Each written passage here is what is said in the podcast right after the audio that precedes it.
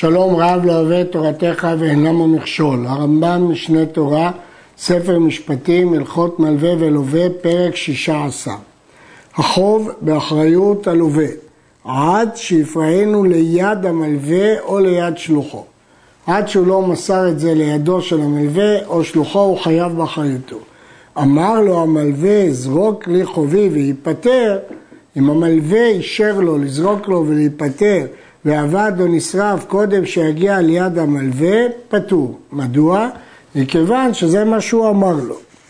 בפירוש המשנה כתב הרמב"ם, שאפילו אם אמר לו זרוק לי חובי ותיפטר, אם הוא לא אמר לו בתורת גיטין כפי שנלמד לקמן, לא נפטר המלווה עד שיגיע הממון ליד המלווה. משמע שאפילו שהמלווה אמר זרוק לי, חייב לתת לידו, ודבריו סותרים את מה שכתב בהלכות. תרץ המגיד משנה על פי ירושלמי, שכוונת הרמב"ם פה במשנה תורה שהפירעון הגיע לרשותו של המלווה. אמר לו, זרוק לי חובי בתורת גיטין, תזרוק לי את חובי לפי הלכות גיטין, והלכות גיטין יש דין ונתן בידה, ואף על פי כן אם הוא זורק לה קרוב לה, מגורשת. לכן גם פה, כיוון שהוא אמר בתורת גיטין, אנחנו לוקחים את דבריו ברצינות ולא כמשתה, היו המעות קרובים ללווה, הרי הן עדיין באחריותו. היה קרוב למלווה, נפטר הלווה. כי גם בגט הדין כך, שקרוב לאישה מגורשת, קרוב לבעל היא לא מגורשת. מרצה למרצה, בגיטין ההלכה היא מגורשת ולא מגורשת, כלומר ספק. פה ההלכה, אם עבדו משם או נגנבו, משלם הלווה מרצה. מדוע? פה הדין יחלוקו, מסביר הר"ן, כי לשניהם יש חזקה שווה, ללווה יש חזקה על ממונו ולא ניתן להוציא ממנו את הכל, למלווה יש חזקה שהיה חוב ולכן הדין יחלוקו. הר"ן מסביר שזה לא דומה למקרה של מנה הלוויתיך ואיני יודע אם פרעתיך, כי פה ברור שהיה פירעון, שאלה אם לפירעון הזה יש דין של פירעון. היה ראובן חייב לשמעון מנה, ואמר ללוי, הולך לשמעון מנה זה שאני חייב לו. פה אה, לא היה מעמד שלושתם, אלא ראובן שחייב לשמעון אמר ללוי, תולך. אם בא לחזור אינו חוזר. מדוע? כי יש דין הולך כזכי. כיוון שאמר לו הולך, כאילו אמר לו זכה בשבילו. לכן הוא כבר לא יכול להתחרט. מצד שני, למרות שהוא לא יכול להתחרט, הוא חייב באחריתו עד שיגיע המנה לשמעון, כי לוי הוא רק שליח. הוא זוכה, אבל עד שהוא לא הגיע לשמעון, הוא, לא, אה, הוא חייב באחריותו. החזיר לוי את המנה לראובן, לוי לא רצה לבצע את השליחות והחזיר את המנה, שניהם חייבים באחריותו, עד שיגיע ליד שמעון כל חובו. הרייבד משיג, אחריות לוי השליח, אני יודע מהו. הרי השליח לוי יחזיר לראובן, ואם הוא יחזיר, אז מה הבעיה פה? מסביר הטור שכוונת הרמב"ם שבעל החוב יכול לגבות משניהם, גם מראובן הלווה וגם מלוי השליח. המגיד משנה הביא בשם תשובת הריב שהוא יכול לגבות מהשליח רק אם ראובן הלווה עני ואין לו דרך לפרוע את החוב, אז הוא יכול לגבות מלוי. כל זה מפני שמצד אחד לוי זכה בשבילו, בשביל שמעון, מצד שני ראובן חייב לשמעון, לכן שניהם אחראים. היה ראובן חייב לשמעון מנה, ואמר שמעון לראובן, מנה שיש לי בידך, את אותו מנה שאתה חייב לי, תנהו ללוי, במקום להחזיר לי, תמסור את זה ללוי. והיו שלושתם עומדים, גם ראובן, גם שמעון וגם לוי, וקיבל לוי. לוי הסכים לאמירה הזאת. ונמצא ראובן עני.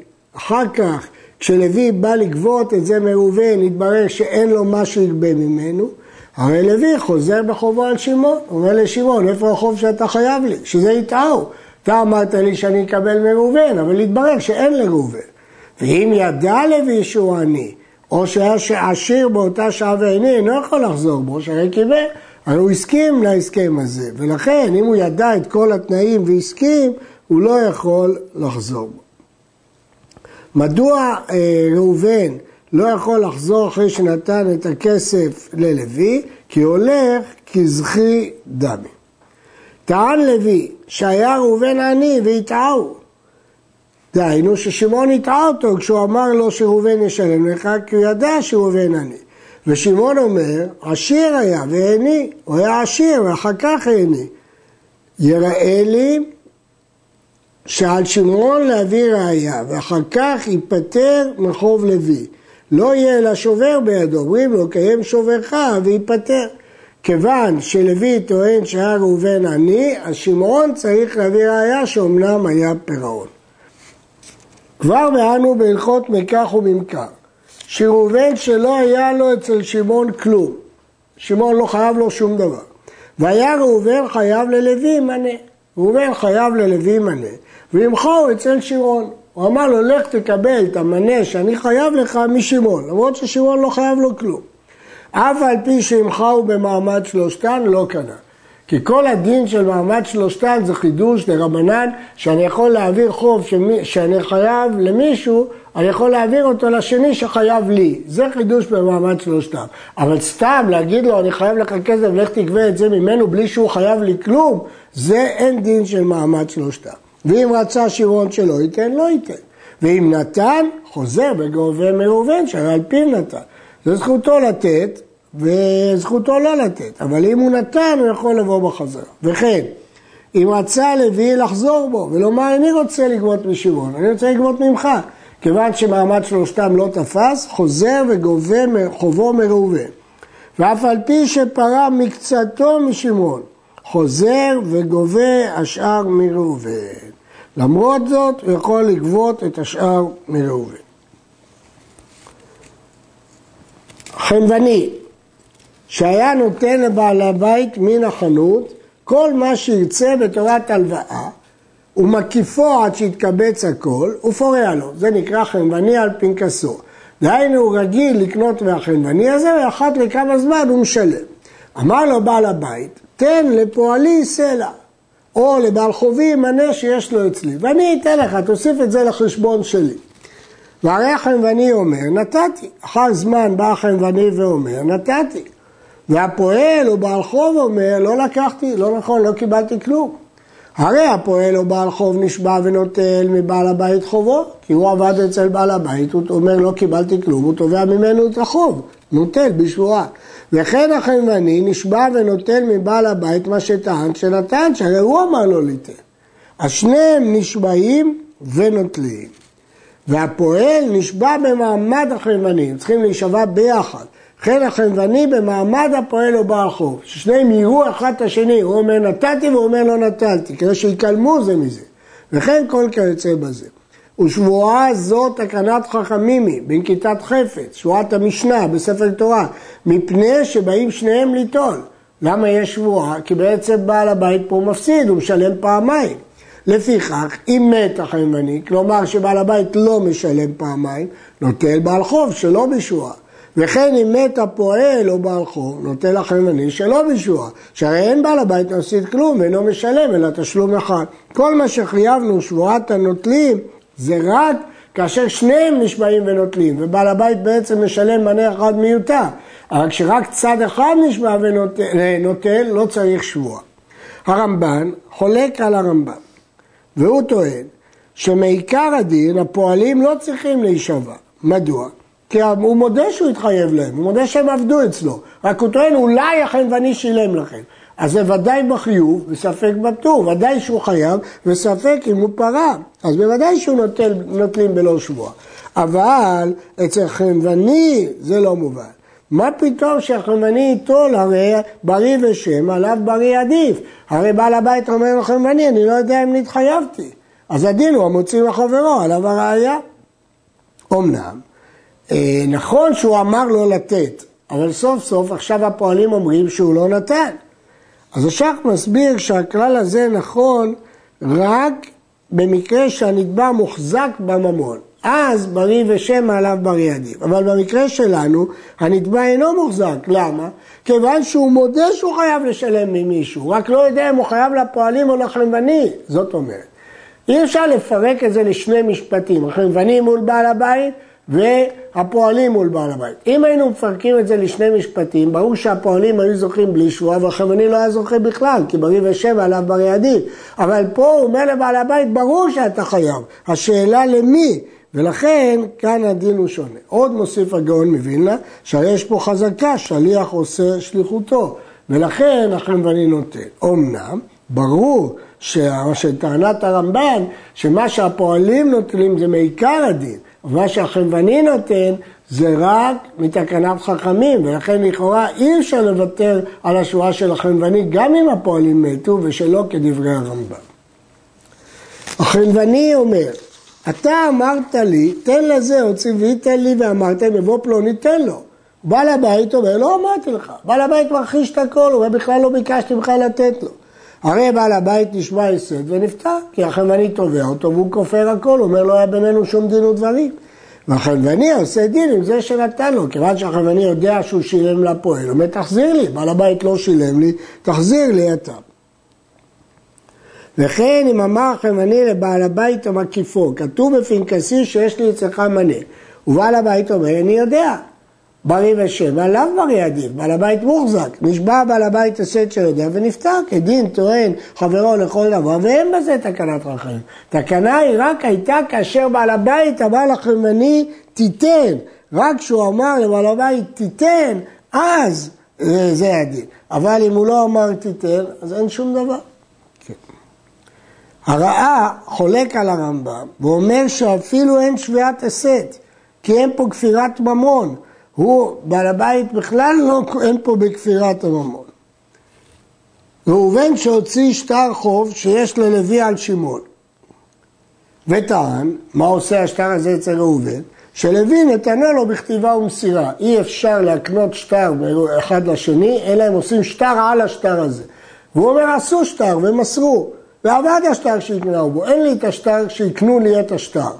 או שטען שהקנהו לו אגב קרקע, גם זה דרך להקנות שטרות, על גב קרקע.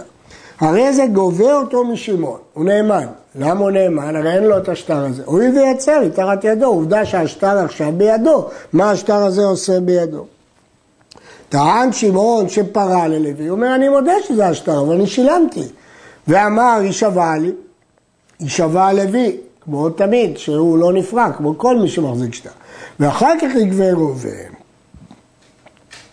הודה לו שפרה, אם הוא הודה לוי שהוא פרה, ישלם לוי לראובן, כי הוא מכר לו שטר והוא פרה אותו, אז גרם לו נזק. הוא יכול, הוא, הוא נפרע, אז מה הוא מכר שטר? טען לוי שלא מכר ולא נתן שטר זה, נשבע הסת ונפטר.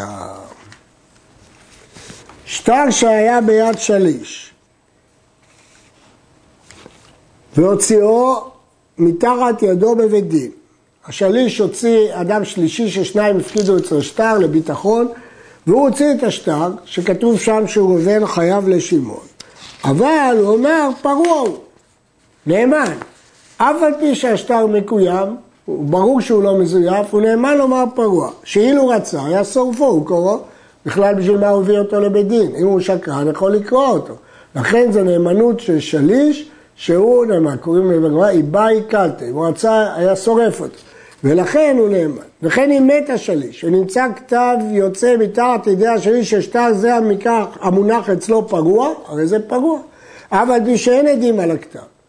אבל כתב שיצא מתחת ידי המלווה של שטר פלוני פרוע, אפילו היה בכתב ידי המלווה, אינו אלא כמשחק. זה דווקא דין בשליש, אבל אם זה לא בשליש, זה לא כך.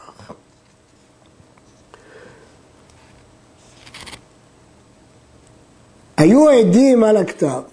אם ביד המלווה היה כתב ששטר מסוים הוא פרוע, שובר, ויש עדים שחתומים על השובר, הרי אם היו מקוימים, הרי השטר פרוע. יש שובר שיש עליו עדים שהשטר פרוע, ואם אין עליו קיום, ישאלו העדים החותמים, אז זה השובר. אם לא ידעו, או שאין העדים מצויים, הואיל ומתחת ידי המלווה או מתחת ידי יושב יצא, אין השובר כלום. כי תמיד אה, יכולים להגיד שזה היה כמשחק ולכן אין ראייה של קיום, השובר איננו אמין, במילים אחרות, לווה שפורע, השובר צריך להיות אצלו, לא אצל המלווה. מה פתאום נמצא אצל המלווה השובר? גם יש מיגו שיכלו לשרוף את השובר הזה בכלל. ולכן שובר שביד המלווה לא שווה כלום. אלא אם כן, הוא היה מקוים. אם הוא מקוים, אז בוודאי שזה חל. מה שאמרנו קודם שבשליש יש נאמנות מיוחדת, זה גם בגלל מיגו שיכל לשרוף ולקרוע, אבל גם בגלל סיבה נוספת. לא רק אה, בגלל המיגו הזה, אלא בגלל שהוא נאמן משניהם. המלווה והלווה האמינו לו והפקידו אצלו את השטר, משהו שהם קיבלו עליהם כל טענה שהוא יטען.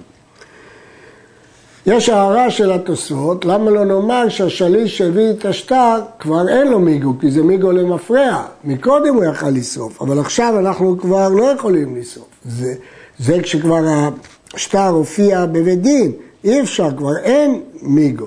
אבל הרמב"ם לא אמר את החילוק הזה, משהו שהרמב"ם לא קיבל את הכלל של מיגו למפרע. נמצא השטר בין שטרות פרועים. למלווה יש חבילת שטרות שכבר כולם פרועים, וגם השטר הזה בתוכם, הרי זה פרוע.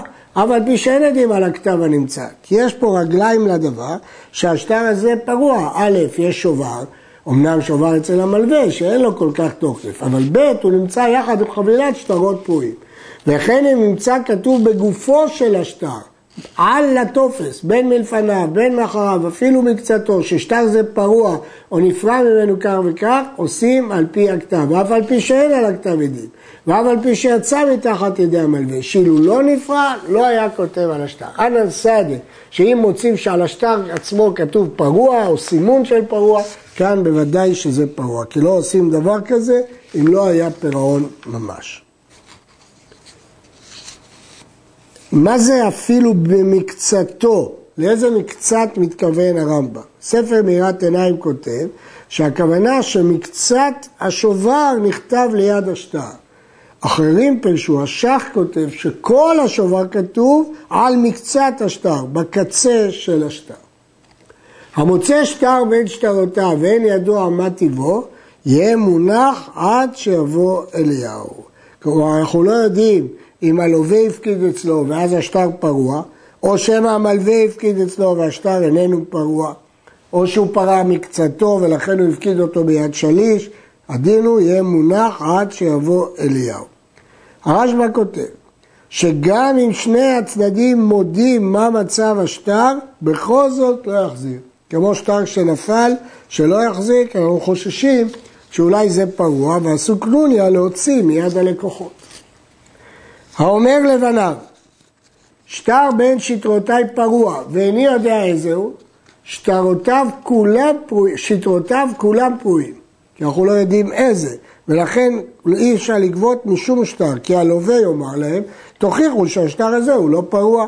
אז יד בעל השטר על התחתונה, בין אם האב חי, בין אם האב מת.